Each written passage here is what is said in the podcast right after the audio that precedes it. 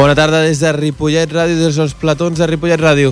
Uh, us parla Ferran Rigat per presentar-vos el programa d'Infosport, on una setmana més uh, us repassarem tot el que ha succeït en, aquest, en una nova jornada d'esport ripolletenc. Uh, en el comandament tècnic està en Jordi Puy i comencem.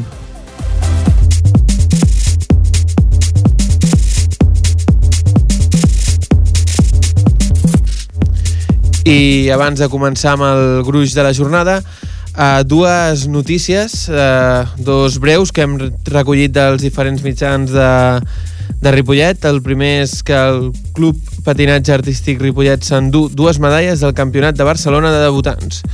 L'últim campionat de l'any, en el, els de debutants, tenia lloc a Matadepera aquest cap de setmana, on el club eh, tenia tres participants. Van aconseguir un bon resultat amb dues medalles. A la infantil, Patricia Quintero es va endur la medalla d'or, un gran resultat perquè competia amb un total de 20 participants més. En categoria lliure, la Levi Erika Cuenca va ser segona i medalla de plata, realitzant un disc amb salts correctes.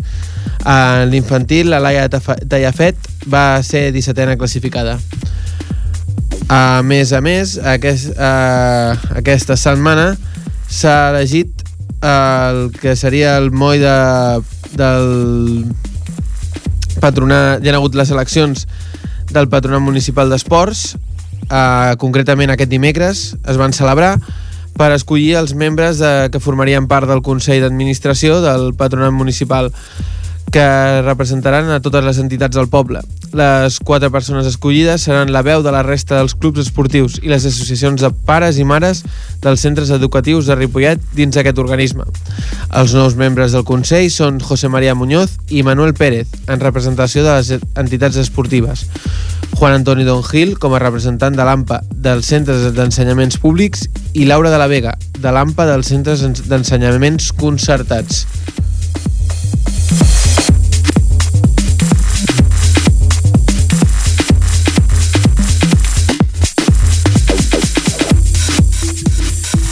I ara sí, per començar amb Esport Esport, a Crònica Crònica, eh, tenim en Marc Mata que ens portarà el que ha fet el futbol aquest cap de setmana al futbol Ripollet. Bona tarda. El Club Futbol Ripollet guanya i s'endú els 3 punts davant el Vic Riu Primer. El diumenge amb les grades del municipal plenes de goma a goma, el Ripollet va guanyar davant el Vic Riu Primer per 2 a 0. El partit va estar dominat pels ripolletens, tot i que els visitants, primers a la classificació, van lluitar d'allò més valent. A la primera part, els de Juan Carlos Torres van tenir diverses oportunitats de gol, però sense entrar la pilota a la porteria. A partir del minut 23 varen començar a arribar les targetes grogues. La primera targeta va ser pel Rubi per fer falta i tres minuts més tard va ser per un jugador visitant. En el minut 38 semblava que arribaria el primer gol ripolletenc, però els locals no van tenir sort. Dos minuts més tard va arribar el gol més esperat pels vermells. En Xema va fer que el marcador es posicionés a favor dels de Torres, marcant el primer gol ripollatenc. Un gol molt celebrat tant a les grades com al terreny de joc. El primer temps va acabar amb el marcador 1 a 0. A dos minuts a l'inici de la segona part, l'Enrique va xutar des de mig camp i va marcar, i va marcar gol. Un gol anul·lat per l'àrbitre. Aquesta decisió de l'àrbitre no va agradar gens a l'afició ripollatenca, que va protestar d'allò més. En aquesta part, les faltes continuaven per part d'amb dos equips. A 11 minuts al final del maig, els ripolletens van marcar el segon i definitiu gol. Un gol molt celebrat per tothom i marcat per l'Enrique des de dintre de l'àrea visitant. Després d'aquest gol, els ripolletens no afluixaven i tot ja anar guanyant, anaven a, intent a intentar marcar un altre gol. Al final del maig, el Sergio, porter del Club Futbol Ripollet, va parlar pels micròfons d'Infosport. Bueno, un, un, buen partido con dominio vuestro, muchas ocasiones y una victoria. Sí, un partido muy complicado, sabía lo que nos jugamos, después de lo que para, después de en Caldas no ganar, el Big venía muy fuerte y bueno, era un partido muy difícil. La verdad es que hemos trabajado toda la semana bien, lo estamos haciendo esas 13 jornadas y bueno, los, los resultados han salido. Le habéis ganado a un equipo que va el primero y que, y que no había perdido ningún partido. Sí, sí, la verdad es que yo me he enterado hoy que llevaba 13 jornadas sin perder, lo iba, iba, ganando todo, empatando, ganando. Y bueno, mira, nosotros pues hemos salido a lo que sabíamos hacer, hemos intentado hacer nuestro fútbol, crear nuestras ocasiones y bueno, mira, siempre tiene que haber una primera vez. ¿Crees que falta un poco de acierto para transformar en gol todas aquellas oportunidades que habéis tenido? Bueno, a ver, faltan. Lo importante es que se generan. Y eso ya es mucho. Si se generan, a ver, puedes estar un día más acertado, más acertado, pero mientras se generen las ocasiones, va, mmm, los goles entrarán poco a poco. Lo importante es generarlas. Tú has hecho buenas paradas. Bueno, he hecho, he hecho alguna, pero bueno, no tiene mucha faena hoy, pero bueno, lo importante es que cuanta menos faena tenga, mejor. La semana que viene os enfrentáis al Bellavista Milán, que va quinto, eh, y, y, cómo lo afrontáis ese partido? Bueno, pues como todos, como de esta semana, el de la semana pasada, podemos afrontar, pues trabajar toda la semana a tope y salir y a intentar ganar, y hacer nuestro fútbol y intentar hacer lo que nosotros sabemos, nada más. Habéis tenido un, habéis marcado un gol que se os ha anulado. Sí, sí, sí, me ha sorprendido mucho. Me ha sorprendido mucho que se haya anulado el gol. No lo entendía porque es un fuera de juego, sacamos rápido. Però bueno, mira, no sé, l'àrbitre sabrà sus motivos, no sé. Els ripolletens es situen segons a la classificació amb 25 punts, 8 partits guanyats, un empatat i 4 perduts. I la setmana que ve s'enfronten al Bellavista Milan, un equip que va cinquè amb 22 punts, 6 partits guanyats, 4 empatats i 3 perduts. Amb vol, amb vol. Uh, I seguim amb l'handbol, que està en el seu curs en la segona catalana, uh, on aquest cap de setmana, desgraciadament, ha uh, viscut una derrota de, per 24 a 21 a casa del Vic, uh, el, el guanyador de l'anterior lliga, on van pujar tant el Vic com el Ripollet. Uh, després de nou jornades, jornades setens, amb 4 guanyats i un empat i 4 derrotes eh, es mantenen en aquesta setena posició eh, bastant positiva però per això ens ho, parlarà l'Adrià a veure a l'Adrià Jordana. Eh, bona tarda Adrià. Bona tarda Ferran. Doncs eh, aquest cap de setmana no hem pogut estar no hem pogut eh, tindrà crònica, però per això ja ens explicaràs tu com ha anat i la primera pregunta és obligada. Com, com va anar el partit? Una derrota molt justeta amb pocs gols. Sí, sí, un partit molt ajustat. Des del, del primer minut molt, molt igualat, amb molts pocs gols. Al minut 15 em sembla que anàvem només 3 a 3, o sigui que poquíssims gols, va ser un partit amb vol. I mira, les defenses es van, es van imposar els atacs, les defenses i les porteries. Uh, això és positiu per vosaltres, que normalment sou molt més uh, donats a marcar, a, a fer més bones actuacions en atac que en defensa? Sí, aquesta temporada portem 4 o 5 partits seguits que estem rebent molts pocs gols. Això és sinònim de que la defensa a poc a poc anem millorant i a segona catalana, a sobre, que és una categoria més difícil i estem defendent molt bé últimament. I això es reflexa en, en la, la mentalitat positiva que tenim ja a cada afrontar els partits, ja ens veiem més força enrere i sabem que ja ens marcaran menys gols i per tant el dona més, més energia, el porter també està més confiat, ja que la defensa de, de fer millor i el porter està preparant més, i la veritat portem una dinàmica molt bona, a mi m'està agradant molt la temporada, la veritat. Home, eh, ja, com ja he comentat, setens en una categoria molt més difícil, eh, la vostra primera el, la vostra primera actuació. Eh, com, com valoreu de, de moment aquest, aquesta setena que no esteu molt lluny de les primeres posicions ni i esteu, i esteu bastant lluny del que seria la zona de descens. Sí, de, de moment la temporada és, és positiva. Estem traient bastants bons resultats. Els partits que no aconseguim guanyar perdem per molt pocs gols de diferència. Sembla que ahir va ser el partit que més, més diferència hi ha hagut en, en contra, de tres gols només. Els altres partits havien perdut per un gol i per dos. O sigui que els partits que estem perdent estem perdent per molt poc i hem guanyat també, vam guanyar fa un parell de setmanes al líder, o sigui que eh, la dinàmica és positiva. Encara que la categoria és molt, molt igualada. Ahir vam, vam jugar dissabte contra el Pic, que només portava dues victòries, i vam perdre, i fa un parell de setmanes vam anar al camp del que anava a líder i vam guanyar. O sigui que és una categoria en el primer pot, guanyar, pot perdre amb l'últim i viceversa, o sigui que molt, molt resultats molt, molt igualats i és, és complicada, la veritat. Però bueno, de moment anem, anem força bé, estem bastant contents. Hi ha bona, una dinàmica de grup, molt bon rotllo entre els companys, o sigui que de moment perfecte la temporada. Uh, això que explicaves de la categoria, uh, bueno, jo he comentat que el Vic la temporada passada va, va guanyar la tercera preferent en el vostre grup com a primer, si no m'equivoco. Sí, sí, sí, sí, va I, I aquesta temporada va 11 i després de la vostra victòria només portava dos partits guanyats no, de, eh, perdó, després d'aquest cap de setmana només portava dos partits guanyats, aquest és el tercer Sí. Uh, hi ha alguna explicació per, per aquest canvi tan gran? Uh, és la, és, és, pot ser que és un cas concret o això també dignifica una mica la, la segona categoria? No, jo crec que és, és perquè dignifica la, la categoria. Tots els equips tenen un nivell bastant, bastant elevat. L'any passat hi havia equips que eren una mica més fluixets i clar, els primers, els, primers classificats portaven molta distància dels, dels últims, resultats molt avoltats, i a la segona es nota que gairebé tots els equips tenen el mateix nivell, és molt difícil guanyar els partits, tothom està fins a l'últim moment esforçant-se i tens 5 minuts dolents en un partit i et, et complica molt la vida per poder-lo guanyar. O sigui que és una categoria molt, molt igualada i molt complicada, la veritat. Però bueno, nosaltres, nosaltres anem fent, de moment anem, anem força bé, estem contents, portem una dinàmica golejadora, com has dit abans, que continua sent molt elevada, igual que l'any passat, em sembla que som el, potser som el segon equip que més gols a favor portem, o sigui que de moment hem mantingut igual i la defensa anem millorant, o sigui que nosaltres estem contents. El que faci la resta d'aquí, si van perdent, millor. Així es deixem més enrere. No, amb, amb aquesta dada la- l'acabo de revisar i sou tercers, però Exacte, com si anéssiu segons per tres gols, que és una cosa mínima.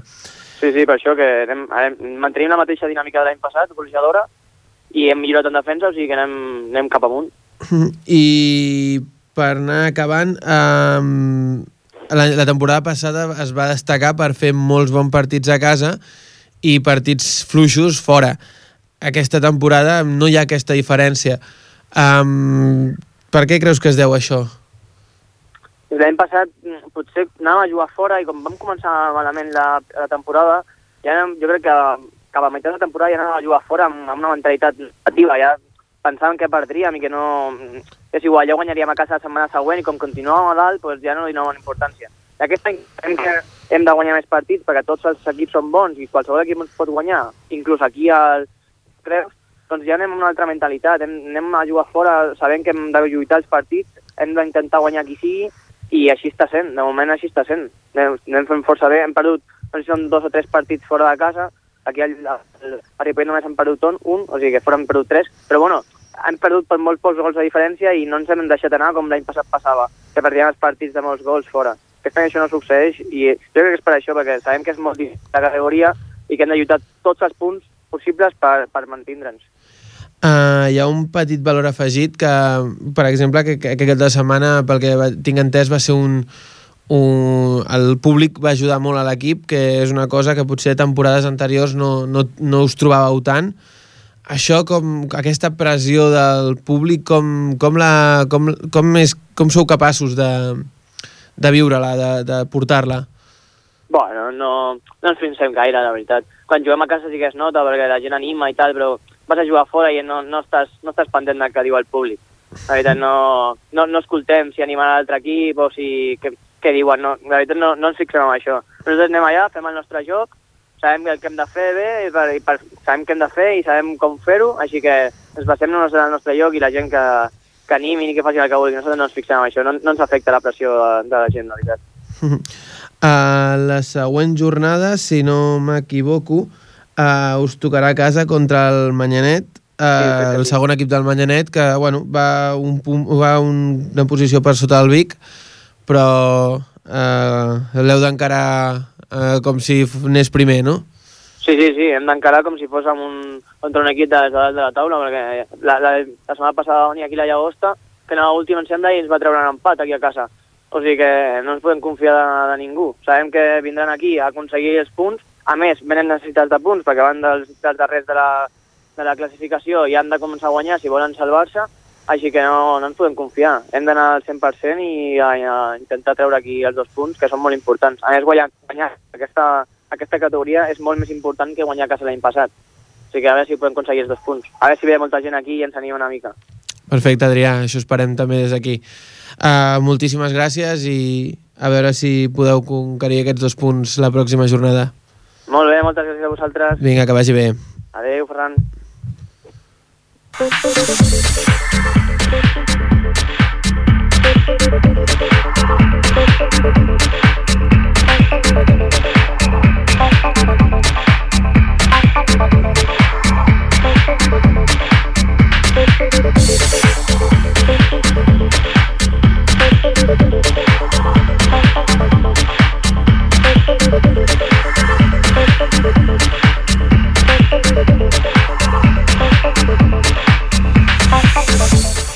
I continuem amb l'hoquei Ripollet. El club d'hoquei va empatar a 3 a la pista del Sant Just dissabte passat, partit corresponent a la onzena jornada del grup A de la segona Lliga Catalana d'Hoquei Patins. L'equip uh, s'esperava emportar-se una victòria, però l'equip de casa els hi va incomodar molt en una molt bona defensa que van fer i eh, en l'últim tram del partit eh, Sant Just remunta i finalment el Ripollet aconsegueix un empat que a la llarga és molt positiu. Amb aquest resultat, els ripolletens continuen líders a la classificació una jornada més amb 25 punts, els mateixos que el Congrés, que és el segon classificat i ha jugat un partit més. El club d'hoquei Ripollet eh, suma així el primer empat de la temporada en una campanya extraordinària on ha guanyat 8 dels 10 partits disputats. La propera jornada l'equip de Ripollet jugarà a casa davant del Barberà, partit que poden anar a veure dissabte a les 6 de la tarda. El Barberà és penúltim classificat amb només un punt, ja que ha perdut 9 de 10 eh, dels que ha jugat i l'altre l'ha empatat. Per tant, un, un rival que necessita punts. Eh, per parlar una mica més de l'actualitat, eh, eh, tenim en Pep Nogueira. Bona tarda, Pep. Bona tarda. Uh, pues abans de començar, jo he fet un petit eh, 5 cèntims del, del que va ser el partit. Mm, ens agradaria que ens resumissis tu una mica més com va anar aquest empat. Va ser un partit molt igualat, des de bon principi. El, el Just va plantejar un partit defen amb una bona, molt bona defensa i amb un atac molt ben organitzat. I bé, vam, nosaltres vam intentar controlar els seus contraatacs, ja que sabem que és un equip que, que és físicament molt potent i que surt molt bé els contraatacs i aleshores en atac estàtic a primera part no ens van generar molt, moltes ocasions i nosaltres vam, vam poder aprofitar l'única ocasió que vam tindre la vam poder, podem poder marcar i a la segona part ells van canviar una mica la defensa, ens van plantejar més dificultats, van poder tenir més espais a l'hora d'atacar i ens van remuntar. Però finalment a les, a les acabades del partit vam, vam, vam empatar i bueno, ens, ens generarem aconseguir un valuós punt. Uh, quan, uh, tot i que potser els us esperàveu un partit una mica diferent, uh, vau aconseguir un punt que no, no està gens malament en la classificació, ens ho acabes de comentar, però uh, què, què més podries comentar d'aquest puntet? Bueno, nosaltres òbviament sortim cada partit a guanyar, nosaltres el que volem és aconseguir els 3 punts cada jornada, però sabem que, que els rivals òbviament no ens ho posaran fàcils. Contra, contra el primer, òbviament els rivals donen, donen un plus, es, es creixen, i a part que Sant Just eh, és un equip complicat, el seu camp és una pista complicada on molts pocs equips han guanyat i, i bueno, doncs que el rival també juga de vegades. oh, I tant, i tant. Uh, ens has comentat que us van pot, eh, potser posar una mica més en perill en contraatacs. Que, com, com us sentiu més còmodes jugant i, i vosaltres mateixos defenent? Explica'ns una mica aquest, aquest uh, aspecte del joc. No, òbviament nosaltres no, no ens sentim còmodes a l'hora de que el rival ens contraataqui, sinó que preferim que el, que el rival jugui en un atac estàtic, nosaltres vam organitzant en defensa, fent, defensant en bloc, en conjunt, i òbviament intentant minimitzar els espais perquè el rival no, tingui, no pugui generar ocasions. I a part que aquest, aquesta reducció d'espais ens permet a nosaltres a l'hora de recuperar pilota sortir a la contra, ja que tenim jugadors molt, bons, molt, molt ràpids i és com es produeixen més gols al hockey, -hmm. fent gols a la contra. En aquesta categoria, que, que, que us trobeu generalment? Bueno, hi ha de tot. Hi ha, hi ha equips més experimentats, hi ha equips més joves. Normalment els equips que, que més joves són, són també a, a vegades més talentosos i, clar, la, la, la majoria dels rivals de, de sobre la classificació, que són més o menys a part com nosaltres, físicament, al ser un, un equip jove, doncs, eh, a l'hora d'enfonsar-te de, a tu a tu és més complicat que amb equips experimentats, que pot, pot sonar més fàcil per velocitat, però a la vegada aquest punt d'experiència fa que, que també siguin, siguin partits complicats i disputats. Mm. Um, una jornada més al capdavant de la classificació, 25 punts. Al principi de temporada us esperàveu uh, estar atacant aquestes posicions de dalt? Sí, bueno, des de, des de vam començar la temporada el nostre objectiu era estar entre els dos primers per, per assolir l'ascens. Sempre hem volgut eh, guany, guanyar partits perquè al final de temporada l'objectiu principal és pujar al Ripollet, de, de, o sigui, l'equip de categoria.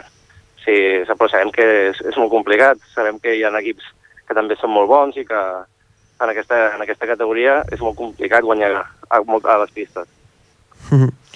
Uh, llavors esteu, podem dir que l'equip està, està content uh, de, per aquesta posició o encara creieu que heu de treballar cosetes?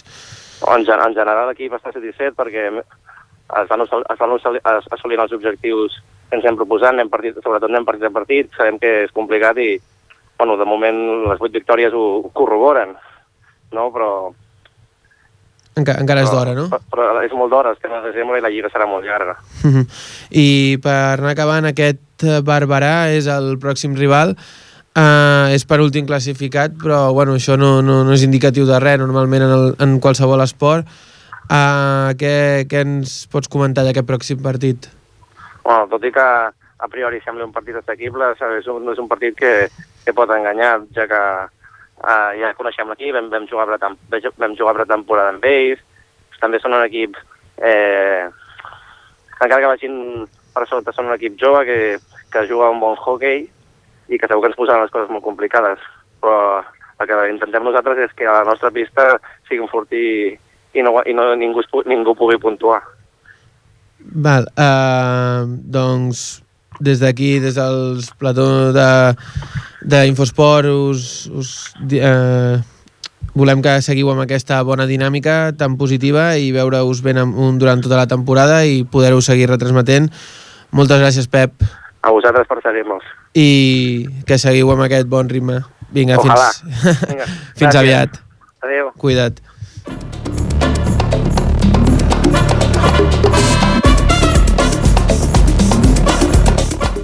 I seguirem amb el futbol Camp Mas, que, que amb aquest, aquest partit el, el va poder seguir el nostre company, el Manuel Barón. Buenas tardes, Manuel.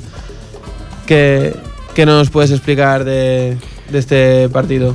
Bueno, un partido que tenía muy controlado el, el equipo del Camp Mas, eh, que se fue con, con una ventaja de 2-0 en el primer tiempo. En, en el minuto 43 eh, conseguía Alexis Dan, Daniel el, el 1-0 y, Ángel Vera en, un minuto más tarde eh, ponía el 2-0 con el cual se, se, llegaría al descanso. Nada más reanudar el, segundo tiempo, eh, Ángel Vera a los tres minutos del segundo tiempo pondría el 3-0, encarrilando el partido a favor del, del Camp Mas. Eh, diez minutos más tarde, la Sabadellenca acortaría distancias y en el minuto 66 volvería a cortar distancia poniendo el 3-2. Un minuto más tarde, después de, estar acortando distancia, la Sabadellenca Ángel Vera hacía un hack trick poniendo el 4-3 y encarrilar nuevamente el partido para el.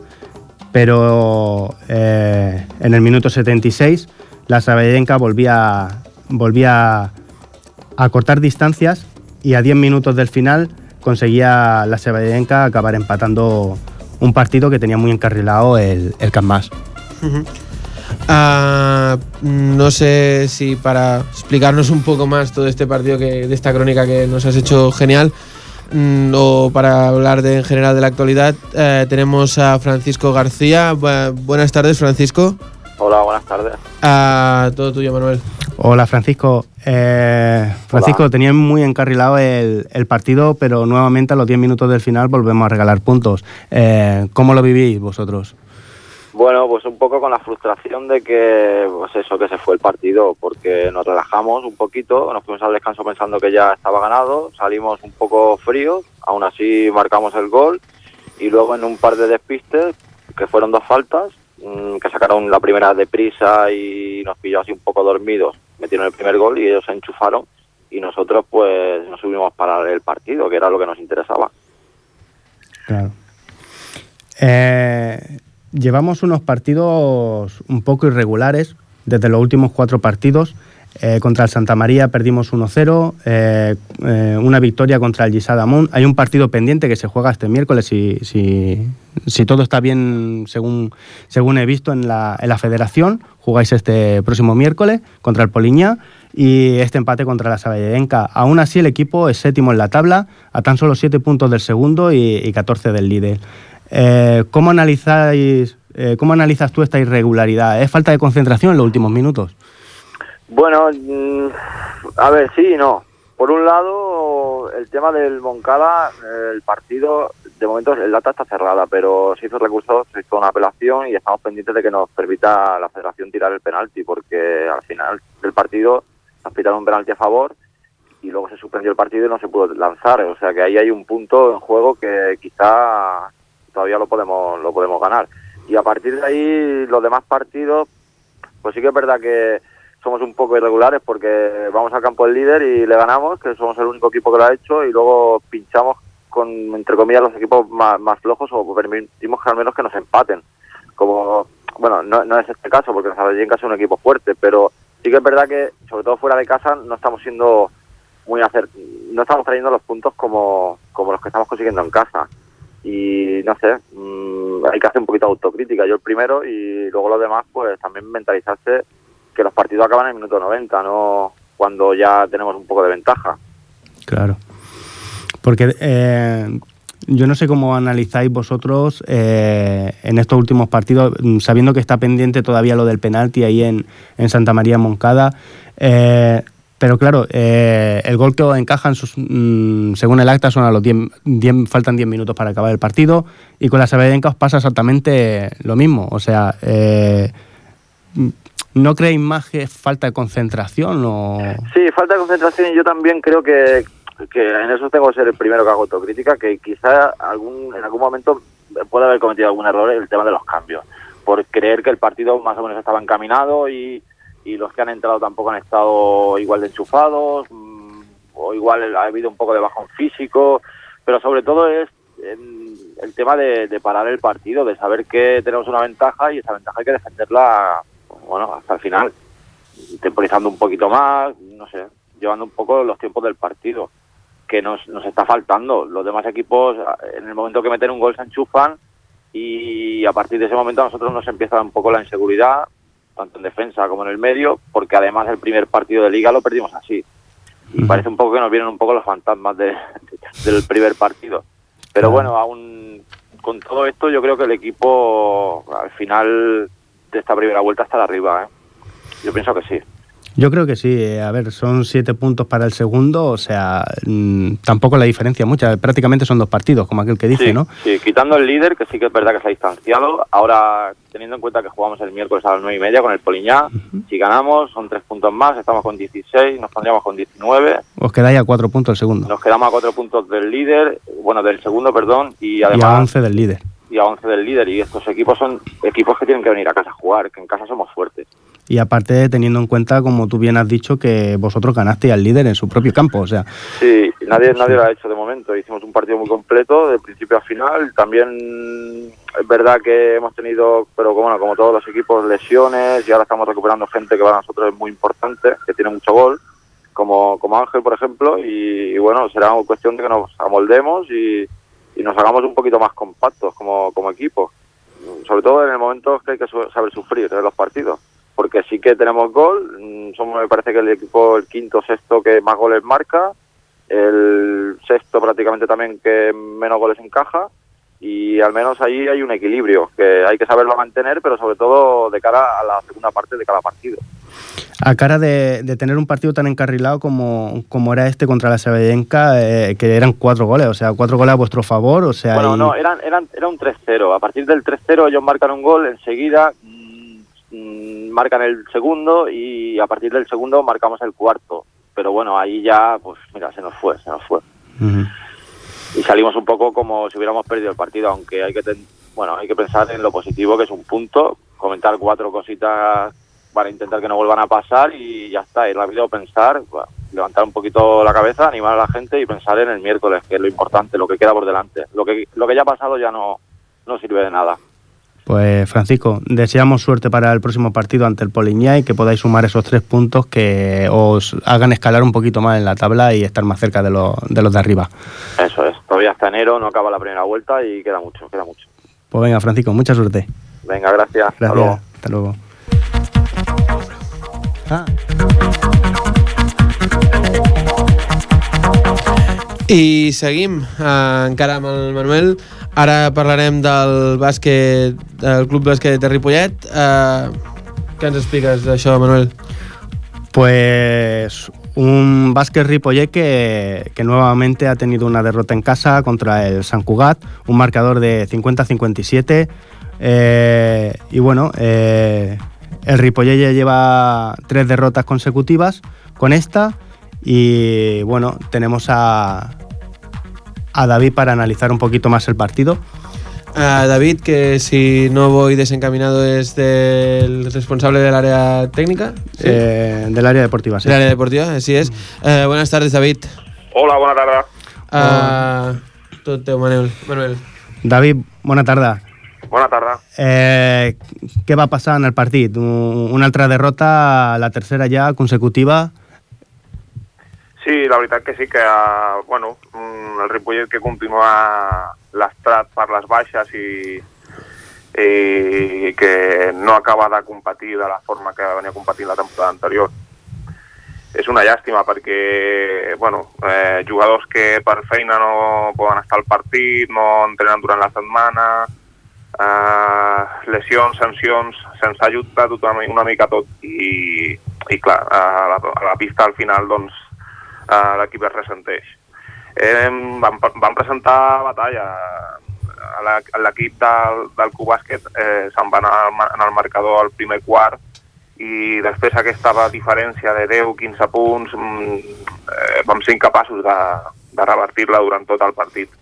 El més que vam aconseguir va, va ser estar a dos punts i en un moment puntual del, del partit, però ells tenien un joc interior molt potent, tenien un jugador vol als dos metres, i en aquest sentit el Ripollet la part que més fluixa tenia per les baixes era precisament la zona la zona de pívot i res, a partir d'aquí doncs mmm, vam intentar-ho fins al final el Berneda va estar com sempre recolzant l'equip però, però no va ser possible eh, una pregunta eh, ¿se falló mucho porque el resultado tampoco fue tan amplio como ante el Pia Sabadell? Eh, ¿Fallasteis mucho? Sí, sí, sí. La veritat és que no, no va ser un partit de, de marcador ampli, no? com, com va ser, per exemple, el de partits anteriors com el de o, o Escolapia. Eh, bueno, um, eh, però bàsicament ells tampoc van estar gaire encertats, vull dir, més que nosaltres, evidentment, però no, no, no, no va ser un partit de, de molts. ¿Cómo se queda el equipo después de dos eh, derrotas con una diferencia de tan poquitos puntos como, como ante el líder, que fue la escuela, 82-76, 6 puntos nada más, eh, y, contra el Sant Cugat, que se fueron simplemente de 7? A veure, l'equip eh, val a dir que fin, eh, fins ara amb els equips de dalt eh, el Ripollet ha presentat batalla. Eh, és a dir, el Natació Sabadell va ser un dels partits mm, més guapos de la temporada, que el Berneda. Amb l'Escola Pia se li va competir i, i vam estar eh, més o menys eh, fins al final empatats. Eh, darrerament amb el Sant Quirze també es va presentar batalla, no, no van ser partits eh, on l'equip contrari és el clar guanyador en el marcador i que se'n va de molta diferència. Eh, a partir d'aquí, eh, mm, si tenim en compte totes les, les variants aquestes que, que tot incideix en el joc, el tema de les baixes i de, de les sancions i jugadors que no, que no poden entrenar durant la setmana, etc etc. la plantilla penso que bueno, ells saben que al gener probablement tot estigui més de cara per intentar donar la volta a la situació i començar a guanyar partits perquè estem allà, estem a punt. Vull dir, només falta trobar, trobar el joc adient i, i que els entrenos siguin doncs, eh, més potents i amb més participació i a partir d'aquí agafar una bona dinàmica. ¿Cómo esperáis el próximo partido ante el San Boy sabiendo que mmm, vosotros tenéis muchas más pegadas, 731 puntos a favor, al lado de ellos 679, eh, pero es un equipo también de vuestro nivel, ¿no? Sí, sí, sí, bueno, la clara intenció de, la victòria, no pot, com no pot ser d'una altra forma. Uh, sabem, sabem que si juguem tal i com uh, habitua jugar el Ripollet als partits i, i presenta intensitat i, i tal, doncs eh, el partit ha de caure al, al nostre bàndol. A partir d'aquí, a la pista, quan soni, quan soni la bocina ja, ja en parlarem. pues per part nostra res més.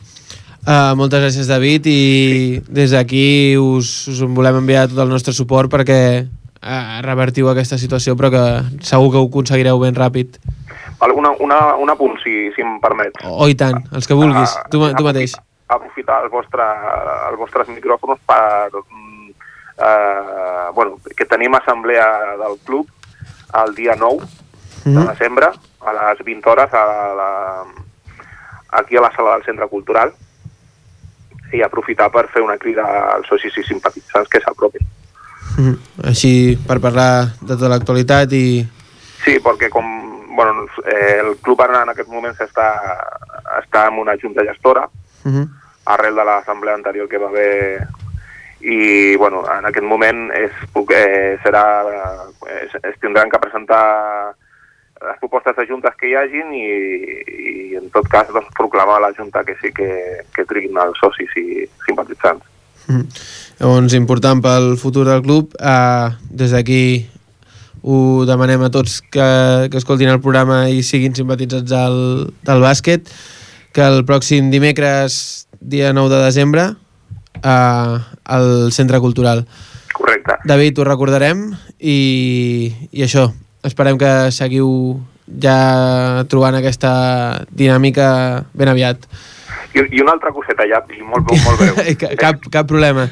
és que és aprofitar també per, per agrair al, al Patronat d'Esports, al PAM i a l'Ajuntament de Ripollet, que fins ara havíem tingut molts problemes i sou coneixedors del tema amb l'enjumenat del pavelló Mhm. vale? i una mica amb el manteniment de les instal·lacions i val a dir que arrel d'una reunió que es va tenir amb, el, amb els responsables del PAM, els tècnics del PAM i amb el, i amb el, amb el regidor d'Esports, doncs que aquesta situació s'ha aconseguit revertir vale? i que igual man, d'igual manera que en el seu moment denunciàvem que no, que no, bueno, doncs que teníem aquests problemes, ara val a dir també que, que, que moltes gràcies per haver estat eh, pel problema i haver-ho sol- solventat, no? que aprofita també i donar, donar aquest, aquest reconeixement. Mm, és, és molt important que des del PAME es facin bé les coses perquè això s'agraeix després en l'esport al dia a dia i com tu mateix ho has dit quan, quan s'ha de parlar malament s'ha de parlar malament però quan s'ha de parlar bé s'ha de fer amb més força perquè no sempre passa uh, David, uh, res més? Res més. No, tranquil. No, ja saps que bueno, això és casa vostra, el, uh, tant el bàsquet, qualsevol esport, teniu els nostres micròfons per a aquestes coses i, i s'agraeix des d'aquí que, que ho utilitzeu així. I res més, ara sí que uh, us anirem seguint i, i anirem dient tot el que us vagi passant que sigui positiu segur. Moltes gràcies, David. D'acord, moltes gràcies a vosaltres. Que vagi molt bé. Molt bé, David. Adéu. Sort.